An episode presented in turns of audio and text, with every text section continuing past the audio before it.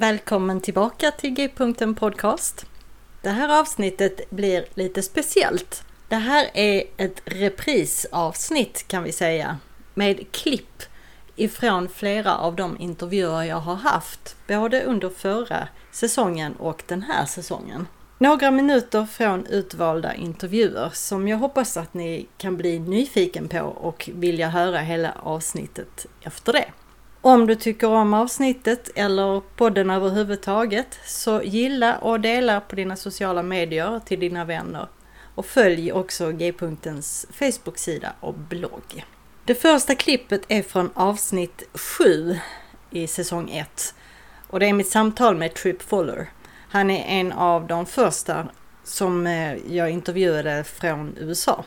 Och han berättar om eh, Homebrewed Christianity som är hans eh, podcast och eh, community, det han sysslar med och varför den kom till, varför den heter som den gör.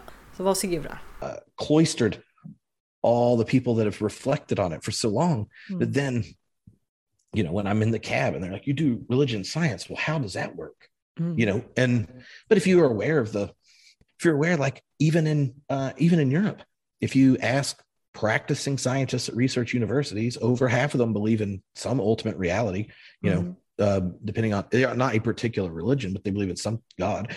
But you wouldn't know that um, because the, uh, well, I mean, there's a lot of reasons, but uh, so the the project, you know, largely for homebrewed Christianity, was a, was to um, to kind of give those resources out so people can think and wrestle and reflect on their faith without um, feeling like you got to take it or leave it with something that's you know backwards judgmental isn't addressing the biggest questions in the world and uh, probably packed with a bunch of prejudice. Like mm-hmm. that's depressing. The, the joke about homebrewed when i started which you know the older you get you you know you never know like what idea you have are going to linger this long.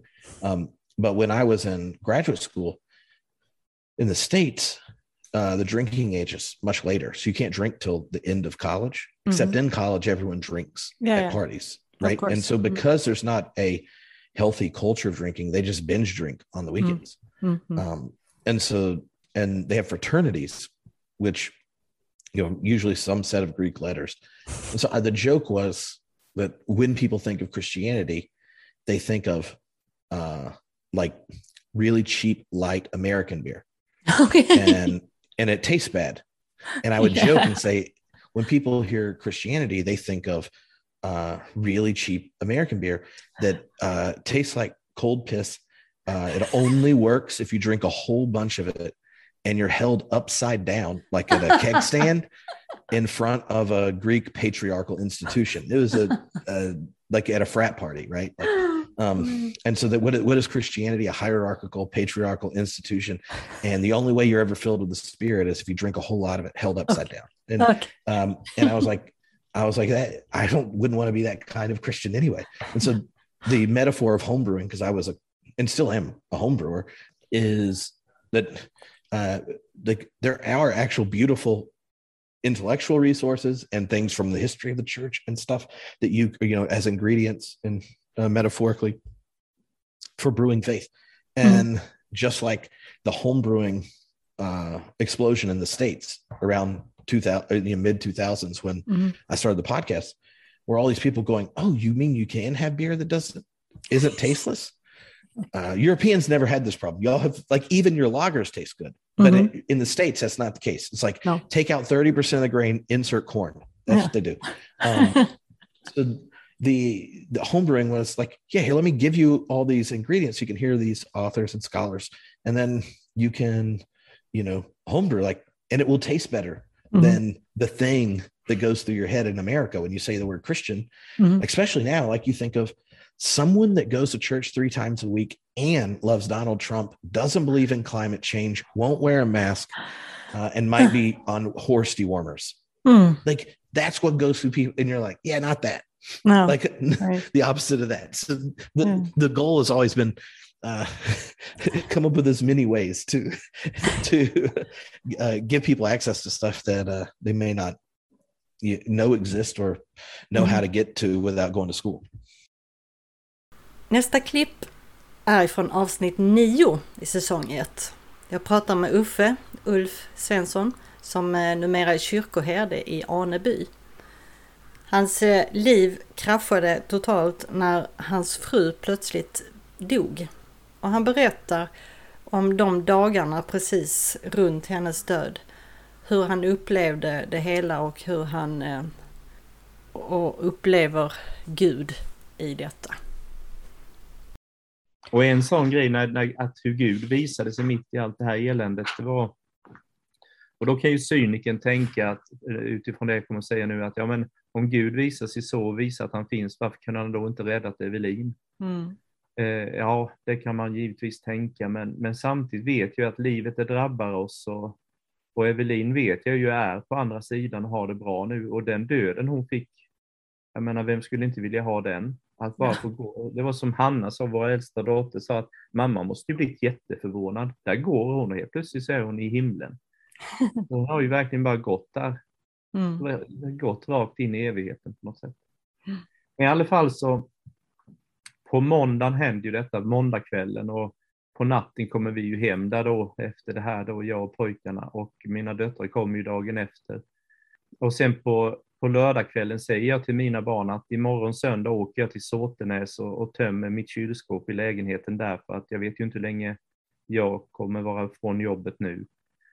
Eh, och, och, jag gör det också utifrån att jag behöver en dag för att tänka. Eh, det är två och en halv timme med bil från Aneby dit. Eh, så det är fem timmar i bil fram och tillbaks. Och där, då får jag ju tid att tänka, jag planerar begravningen, jag tänker hur jag vill ha det och, och jag tänker också på en bibelvers jag skulle vilja ha i begravningsannonsen.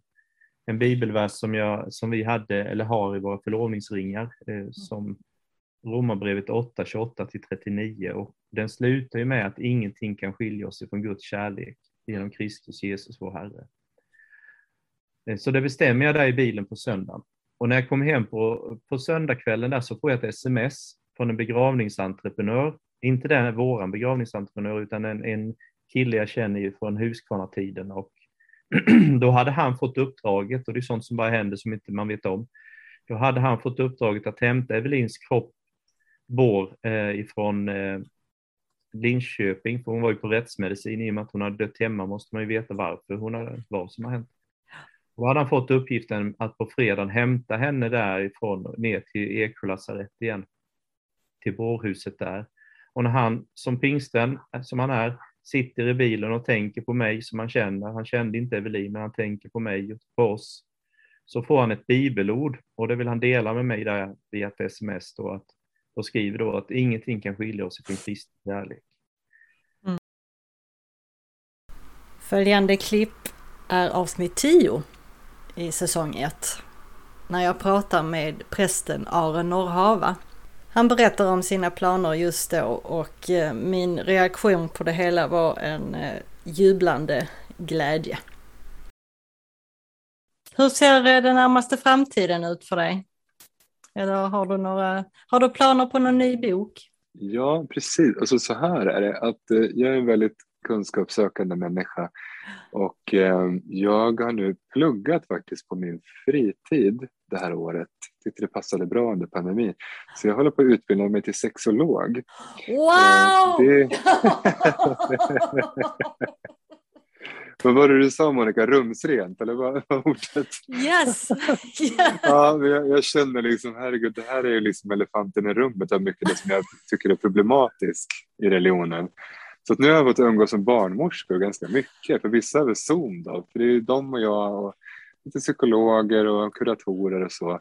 Så ja, det kommer jag fortsätta med och eh, jag känner liksom att det är hur väsentligt som helst när man när man liksom är ja, i någon slags ledarfunktion ändå inom religion. Liksom.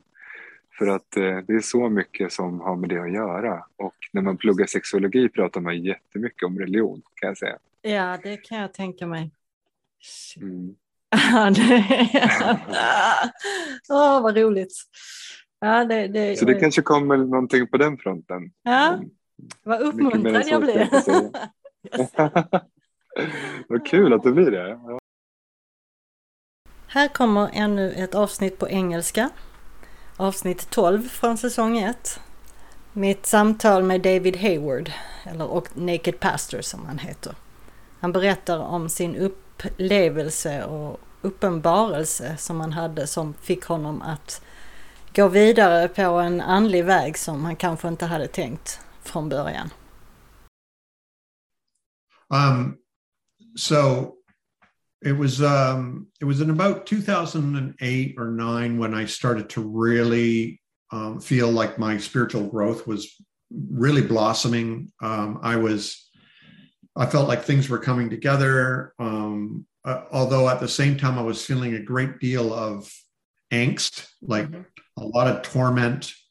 Um, you know, the church was going through, uh, like the vineyard in Canada, the the LGBTQ question and you know the scripture question uh, and all that. And um, I I just I was in this real difficult spot of um, again it was it's what started everything back at my graduation was either you have to reject it all that seems to be the choice that was always given you have to either reject it all or buy it all 100% without mm-hmm. question and I, I refused to do either of them and and so um, when it was in 2009 i had a profound kind of epiphany yeah where everything just came together. I saw that we are all one mm-hmm. and that we're united at a deep and fundamental level. Even quantum physicists say the same thing, philosophers say the same thing, mystics say the same thing, um, Buddhists say the thing, same thing. That we're we're deeply connected at a fundamental level. We're one. Mm-hmm. There's one reality that mm-hmm. we all participate in. Now we each have our own paradigms, mm-hmm. worldviews, languages, words to describe it. But it's just this one reality. So when I saw that, I, I felt this peace of mind come to me. It was amazing. Yeah. Just amazing. And so I started to share that. This this was in 2009. Yes.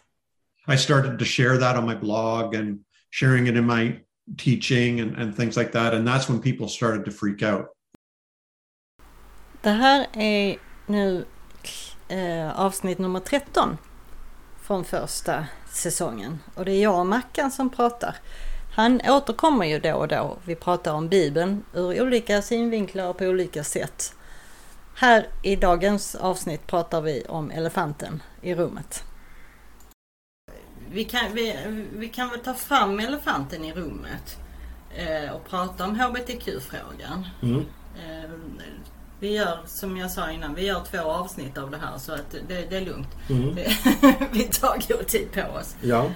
Eh, för att där är det väl, eh, det är väl ganska klara exempel ändå mm. på, på texter där mm. som eh, man, man, för, man förväxlar förgrund och bakgrund många gånger. Ja. Nu, nu vill jag komma med en, en, en liten jag ska inte be om ursäkt.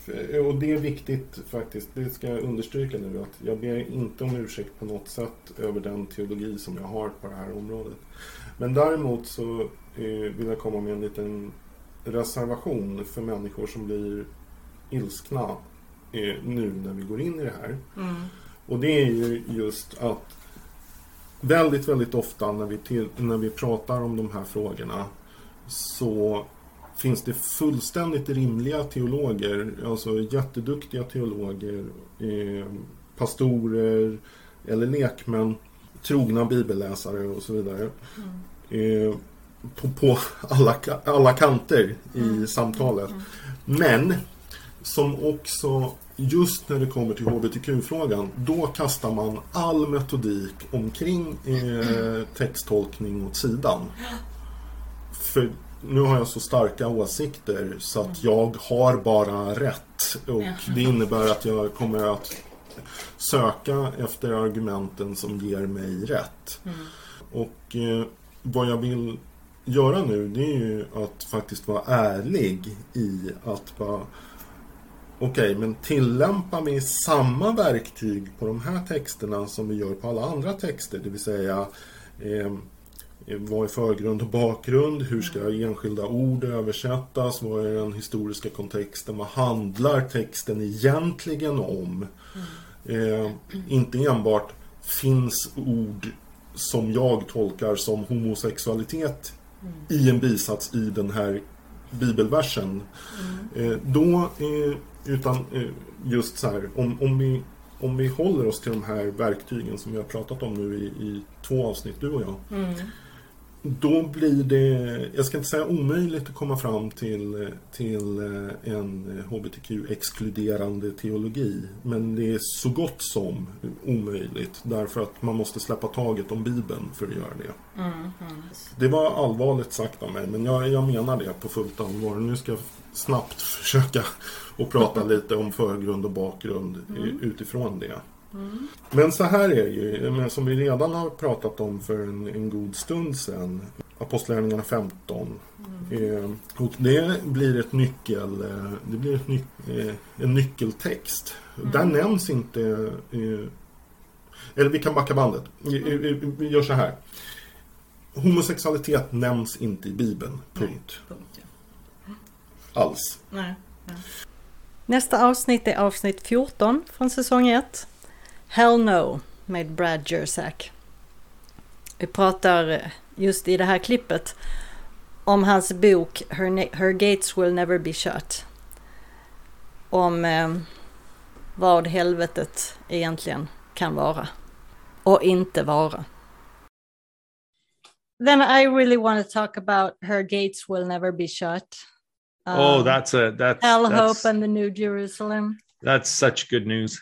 Uh, I I know this um this is a message that really opened up a whole new world for me. Oh, good. Uh, and I I finally got it. You know the feeling that I'd had inside for so many years. Mm. Finally, I got it. I I it, it made sense What what feeling was that? that that it can it can't be. Uh, there is no way that God would send anyone to hell. Uh, is there even a hell? Uh, uh, you know, just that the whole thing just didn't make sense to me. That's because it doesn't make sense. I know, I know, but everyone kept, you know, I heard it everywhere. You know, you need you need you go to heaven or you go to hell, Yeah. and you need to pray the sinner's prayer. And you you know we are the we we're the ones who are right and they are wrong, and you know Right. and all Yeah, that. You, you- know, if you would die tonight, where would Yeah. you go? Oh, hate that. I know all that stuff. Well, it's painful, isn't it? So, yeah, here's the picture. Uh, God loves you, and Mhm. you need to love him back. And if you don't love him back, he'll torture you with fire forever and ever. Yeah. and uh, he will supernaturally keep you alive so that you can feel the flames torturing you. Come on, that's just silly. And and in fact, almost everyone knows it. Mhm. They don't. David Bentley Hart put it this way: they don't believe in hell. They just believe that they believe in hell. Okay. Because if they really believed in hell, they would never take a night off to watch television, knowing that their Mm. next door neighbor is going to burn forever. That's that. That would be ridiculous. You would never go on a holiday you would you would never waste your time at any other job but being a missionary and you know very few people actually live as if they believe in it but they believe that they believe in it and for for those they inflict that on it's it's it's very alienating. Like who wants to follow that kind of god? That's a monster. Yeah. and it's not that i don't believe in hell. It's just i don't believe it's that you know? Uh, i've been right. in hell. It's the it's the border it's the refugee camps on the border of myanmar. It's the downtown east side of vancouver where people are are dying of uh, meth overdoses. It's it's afghanistan right now it's parts of america right now frankly Oh, you know yeah, like yeah. in and in canada what would be hell you know our indigenous peoples are still suffering the things that we inflicted on them 150 years ago so um so i so in that sense hell is hell is this human creation that Mhm. jesus comes to save us from Nu går vi in i säsong två. Och det andra avsnittet där eh, är med eh, Olle Karlsson. Som är präst i, i Stockholm och eh, numera har det andliga centret Contempel. Han har också under pandemin skrivit en bok som heter Om tröst och det är den vi pratar lite om i det här klippet. Och nu då under eh, pandemin så har du ju skrivit ännu en bok mm. som, handlar, eh, som handlar om tröst. Och eh, det, ja, det, det kanske vi alla kan behöva just i de här eh, tiderna och har behövt under det här, hela den här långa tiden med pandemin och den verkar ju fortsätta.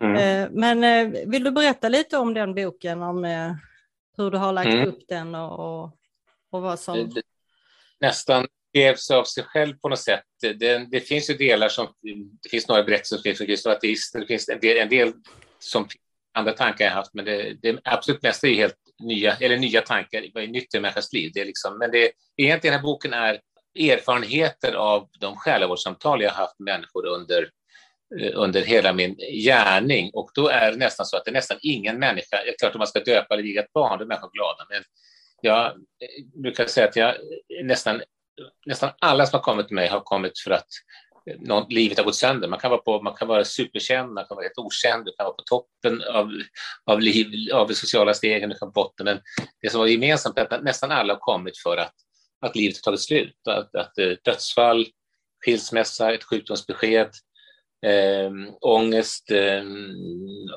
you name it, listan kan göras lång. Så att när, jag, när jag bara tittar på den här boken så kan man säga att väldigt många människor har kommit till mig för att söka få tröst och mycket mm. tårar. Så var det också i Helgakyrkan, folk bara grät floder.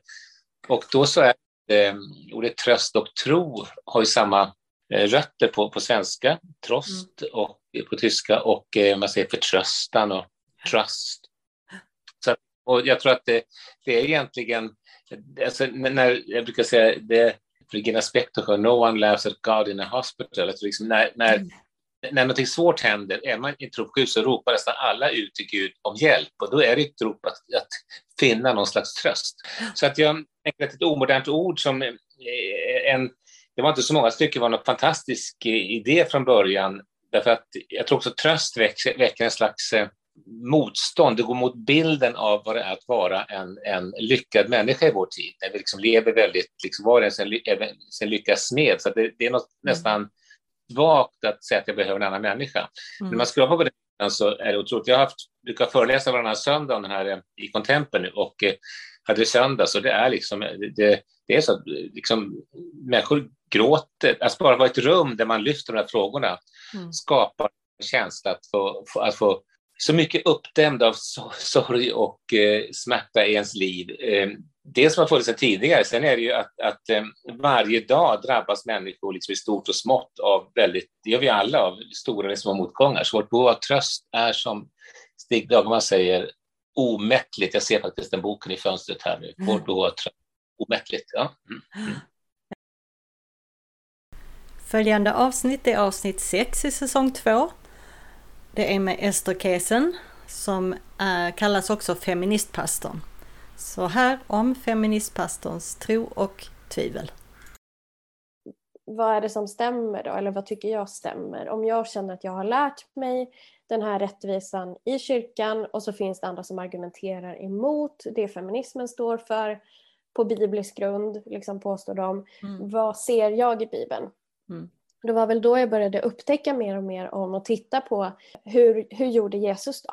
Mm. Um, och när man tittar på Eh, Jesus liv, han var ju en, en man som levde i ett visst sammanhang, i ett visst samhälle som hade vissa normer, vissa eh, regler, förhållningssätt. Och ju mer jag har lärt mig om, okej okay, men hur fungerade samhället på Jesus tid? Till exempel, eh, en kvinna fick inte, eller hade inte juridisk rätt att vittna i domstol till exempel. En kvinnas röst räknades inte. Alltså det, det är precis som det var i mm. Sverige, att kvinnor blev inte myndiga. Nej. Eh, så du kan inte föra din egen talan för den är inte juridiskt giltig. Det är som att släppa fram en femåring i en domstol. Liksom. Det, ja. Och det kanske till och med, det funkar ju i Sverige, du får ju prata som barn. Så det var ju mm. helt ja, det var ett dåligt exempel. Men det var, det var ju på det sättet på Jesus tid att kvinnors röster var inte giltiga. Och när man då tittar på hur Jesus, vad Jesus valde att göra, till exempel ditt exempel då om påskdagen. Mm. Vilka var det som fick träffa Jesus först och vilka fick uppmaningen direkt från Jesus, gå och berätta för de andra. Mm. Det var kvinnor. Mm. Så Jesus i en tid som inte ansåg att kvinnors vittnesmål var giltiga och kunde räknas med, valde kvinnor som vittnen för att berätta om sin egen uppståndelse. Mm. Um, och det finns mängder av sådana här exempel som man ser om man bara läser på lite grann om hur samhället fungerade då. Uh, och då ser man att ja, men Jesus valde aktivt att gå emot strömmen. Att göra normbrytande handlingar. För att, inte för att det var det smartaste. Alltså vill du bli trodd, då väljer du en man. Mm. Vill du visa vad du står för och vad ditt budskap bygger på för människovärde och människosyn, då väljer du en kvinna eller ett barn mm. eller någon annan. Vilka kom, eh, det har precis varit jul, hela julberättelsen är likadan. Mm. När änglarna kommer för att liksom berätta för människor att, eh, att Messias är född, liksom, som är mm. det största då som har hänt, ja men då är det till några herdar som är liksom samhällets eh, utkant. Ja. Det är människor som kom med de här stjärntydarna. By the mm. way, står ingenstans i Bibeln att de var män. Det står stjärntydare, inte män. Traditionen mm. säger det. Det var de kanske, mm. men det står ingenstans. Jag vill bara kasta det. Eh, stjärntydarna, de kom från ett annat land det är hela tiden liksom människor som enligt samhällsnormen inte borde höra till den här berättelsen. Mm. Hela tiden de som väljs och som blir, blir viktiga i Guds berättelse. Och, och just det där, eh, det där sättet att, att jobba, det gör Gud genom hela Bibeln. Mm. Vänder upp och ner på det som vi tror är, ja men det här måste vara en viktig person. Nej, nej, nej. Det är hela tiden normbrytande, hela tiden upprättande. Här kommer ännu ett klipp på engelska med Becca Stevens. Vi pratar om eh, hennes arbete med Thistle Farms. Väldigt intressant avsnitt. Men just här pratar vi om just ordet eh, empowering. Talk about the word empowering. Why don't you talk about that? so, in that book, I have a series of things I called rants. And those are times when all of us in our best space need to just kind of let steam off, just let things go. And you feel better afterwards. And the trick to a rant is to be around a safe person who can hear it and not try to fix it and not try to talk you out of it, mm-hmm. but can I mean, it's like you just go like this. I need a timeout and I rant for five minutes, then I'll be okay. Mm-hmm. And I'll come back and I'll still be loving and compassionate. You won't fix this because it's just just a rant. That's all it is. Don't take it seriously. So there was a phone call that I had with this man who was going to work on our um, marketing team at Thistle Farms. And he said he was just doing the work so that he could empower us and right when he said it, it just hit me the wrong way. And it was that feeling of like, what are you talking about? Who are you to empower us? Like, who are you? I don't even know you. You don't get to claim that you have more power than me and then give us a little of your power so that we feel better. And I said, just, I said, you know, don't you think it's interesting, you know, that the women survivors, myself, other people have built this company and we're interviewing you. So truly, we're empowering you if you want to look at it that way. But for me, it was just a reminder of how much that word sets me off. hey, you know, oh my gosh, you know, just let's have a shift of power. Don't keep power and then say you're going to empower someone else. Just realize that people have power. I would we have this power of love within us. We have all of this stuff. And sometimes it may need to be magnified, sometimes it may need to be seated. But anyway, that's my rant on empower. Thank you. You are. Nästa lilla klipp är från avsnitt 11 med Susanne Stabile, The Enneagram Godmother. Här ger hon mig lite tips. Vi får höra lite här i början av hennes eh, tankar. Och vill du höra resten så gå in och lyssna på hela avsnittet. Det är en väldigt underbar människa att prata med. So when I uh, I'm talking to you now, maybe I can uh, get some help with my life. Sure, you can. Let's do it. Because I I I self-identify as an eight. Uh, oh, Yes, a Very social strong. eight, a social Yeah. eight okay. with a pretty strong nine wing. hmm Uh, maybe my seven wing was stronger when I was younger, hmm but now uh, a lot more uh, nine. Uh, I've been uh, at uh, well period long periods of times I have spent in my five space Mhm. uh, due to burnout and depression. But when I'm when I'm in a good place, I'm a, like a nice 2 Mhm. uh, I'm a lot softer now Mhm. when I'm a little older, but I can still put my foot down. And, you know, when there's something uh, that's not right, hmm sometimes people still see me as being a little too much. hmm And sometimes I say and do things that I regret. Like it's it's my my eight does something that takes my nine wing forever to process. There you go. there you go. so that's uh that's kind of that's me and i'm i'm pretty sure my husband is a six Mm. uh i think is a self-press 6 Mhm. Phobic or counterphobic? uh count uh phobic Okay. yeah Wow. Wow. So a phobic six that's self preserving is very different than a social aid. yeah yeah. no shit but we have been married for 31 years There you go. You're going to make it. Yeah, yeah, I think so. Huh. I think so. I hope so. Detta klipp kommer ifrån avsnitt 16 i säsong 2 och är med Urban Arvidsson. Som pratar om livets berg och dalbana och hur i det allra mörkaste finns ändå där någon mening eller gör det inte det?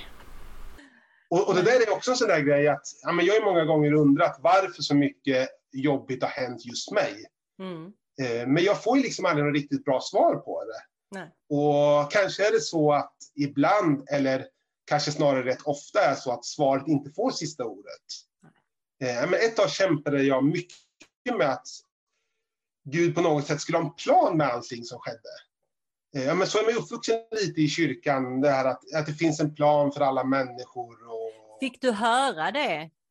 När det var liksom, när allting hade hänt. Ja, men det här är någonting som, det, det är en, Gud har en större plan för det här. Eh, jo, men jag, det har jag fått höra. Ja. Eh, att eh, att det, fin det finns nog något gott i detta Mm. och sådär. Det har jag hört. Eh, men jag fick inte det att gå ihop Nej. alls. Eh, och, eh, men så fick jag hjälp av en väldigt bibelkunnig person som visade mig på Romarbrevets åttonde kapitel. Där det står att allt skapat har lagts under tomhetens välde. Eh, och, och sa att, liksom att vissa saker som sker, det är bara tomhet. De är helt meningslösa. Vissa saker som sker är verkligen inte Guds mening. Och för mig blev det där en hjälp och en tröst att vissa händelser är fullkomligt meningslösa. Mm. Eh, För jag höll ju på och försökte finna en mening i varför saker hade hänt mig. Mm. Men när jag släppte det där så vart det mycket bättre. På något sätt. Mm. Eh, Och det är det som, jag har en favoritförfattare som heter Philip Jensi. Han har uttryckt det så här. Eh, Gud låter oss kanske sväva i okunnighet därför att varken Jobb, Einstein, du eller jag skulle begripa hans från ovan perspektiv. Om det nu är så att Gud hade en mening med det som hände mig, så skulle jag ändå inte förstå den meningen. Eh, Men sen tror inte jag att det finns någon mening med svåra händelser och tragedier. Nej. Men samtidigt så tror jag att vi i efterhand kan ge dem ett värde. Mm. Tillsammans med Gud så kan vi skapa en mening av meningslösheten. Mm. Um, att, liksom att händelser som i sig har varit helt meningslösa eh, kan ha konsekvenser som ger mening. Men det är viktigt att ändå komma ihåg då att det är inte just därför det händer. Precis. Det, eh, och det här liksom, det är svåra saker att prata om. Mm. Eh, Men så här i efterhand så kan jag uppleva att liksom vissa saker som jag upplevt, vissa saker som det har lärt mig, har jag haft nytta av i livet sen. Så Mm. på så sätt så kan jag ju se en mening i vissa saker, Mm. samtidigt som det som hände var meningslöst. Det här klippet är ifrån avsnitt 19 i säsong 2. Det är Christina Cleveland och vi pratar om hennes bok och hennes pilgrimsvandring. Hennes bok som heter God is a black woman. Now, I I love your book. I I listened to the audio version and then I got a PDF uh, copy before this interview, and I can relate to a lot of what you write, and I love it when I learn new things and, and it opens up whole new worlds for me. Uh, I do have a question though that kind of haunts me uh, that I haven't really figured out yet. And uh, you know, I'm I'm a white, uh, straight, cisgendered woman in my fifties in Sweden. So if God is a black woman, how is all this relevant for me? And how Oh, can I there's no make it more relevant? Okay, I was just gonna joke. There's no hope for you. Um, okay, bye. oh, I know. Yeah, too bad. Um, no. Okay, so this is what I um, this is what I love about God as a black woman is that we are all invited to get into formation behind us. That's that, that in the U.S. we use that context. We use that term "get into formation" because it comes from a Beyonce song. um, but basically, like she's our captain, she's our leader, and we can choose how do how am I going to align my life with her abundance? And so I think anybody can be transformed by the idea that God is a black woman if they instead of reacting with I can't tell if you're sloppy or mischievous, say, okay, like where's the life in this for me? Mm-hmm. And there's life for all of us. I mean, just as a woman, there's life for you in her because she's affirming the sacredness of your of your womanhood, any ways in which you practice femininity. But for all people, regardless of gender, we all need a, a way that heals our relationship to our femininity. Because the problem of a cisgender binary world is we've been taught you have to be masculine or feminine when really all of us need both masculinity and femininity and all sorts of combinations of it in order to fully experience life. Mm.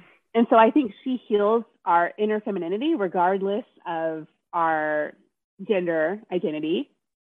And that's why a lot of Black trans men love my book Yeah. because they're, many have said to me, there's a part of my femininity that I that I need to hold on to, even though I identify as a black trans man. Right. And this book is offering me a pathway to that femininity that is so needed. Um, and then I think in our world, I mean, it's a little different for someone who's in Sweden. The, the racial context is different, Right. similar in some ways from what I've read, but also different. Mm. Um, because I don't think you all have the history of enslavement, of, of Black enslavement on your land, Right. you know, that we have. However, for my friends who are, I have some friends who are Kenyan who've immigrated to Sweden. Mhm. They, their experiences there are strangely similar to mine in the US, right? Right. You know, where Black womanhood is not valued, Black Mhm. womanhood is not seen as legitimate. Um, and so I think one of the invitations for people who are white is to really say, this is my spiritual activism is in support of this idea that God is a Black woman Yeah, yeah. and um and i think there's so much healing and freedom for that because the feminist movement has been so impoverished by its lack of intersectionality Mhm. and i think and the fact that it, it has not really taken into account anyone who's not middle class and not white and not cisgender um, and in the U.S. context, you know, kind of from a Christian background, you know, um, or a Jewish background, because those are the most like traditional, and that has hurt white women Yeah. by not being able to to to, un, to see that, like I said about the Black Madonna, my sacredness is only as powerful as I can affirm the sacredness of others. Detta sista klipp är från avsnitt 21 i säsong 2, mitt samtal med Brian McLaren. Där han på slutet läser en benediction som står i hans bok Faith After Doubt. Och det får bli avslutningen på detta reprisavsnitt. Sköt om er så hörs vi igen nästa vecka. Här kommer Brian McLaren. Um, and I should say this is a benediction that comes from a Methodist uh, minister, uh, friend of mine named uh, Reverend Kathy McShane. And she draws this from another great American preacher uh, named William Sloane Coffin. May God bless you, keep you, and be gracious to you. May God give you grace never to sell yourself or God short. Grace to risk something big for something good. Grace to remember that the world is now too dangerous for anything but truth and too small for anything but love. So may God take your mind and think through it. May God take your lips and speak through them. May God take your hands and do good with them. May God take your heart and set it on fire.